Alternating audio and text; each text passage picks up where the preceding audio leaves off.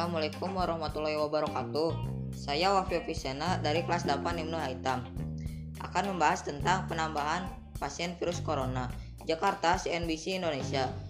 Pemerintah mengumumkan bahwa total pasien virus corona atau COVID-19 pada hari ini menembus 125.356 orang. Jumlah tersebut bertambah 1.853 orang dibandingkan dengan kemarin.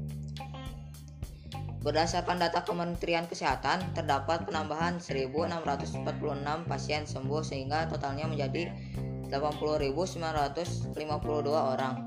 Adapun kasus kematian bertambah 65 orang sehingga totalnya 5.723 orang.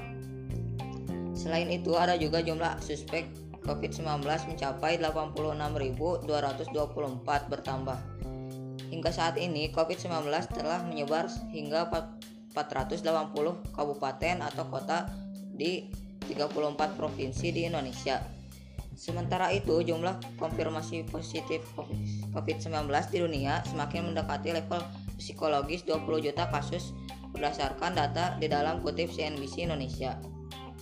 Minggu 9 Agustus 2020 hingga pukul 13.40 waktu Indonesia Barat juga kasus konfirmasi positif COVID-19 mencapai 19,81 juta.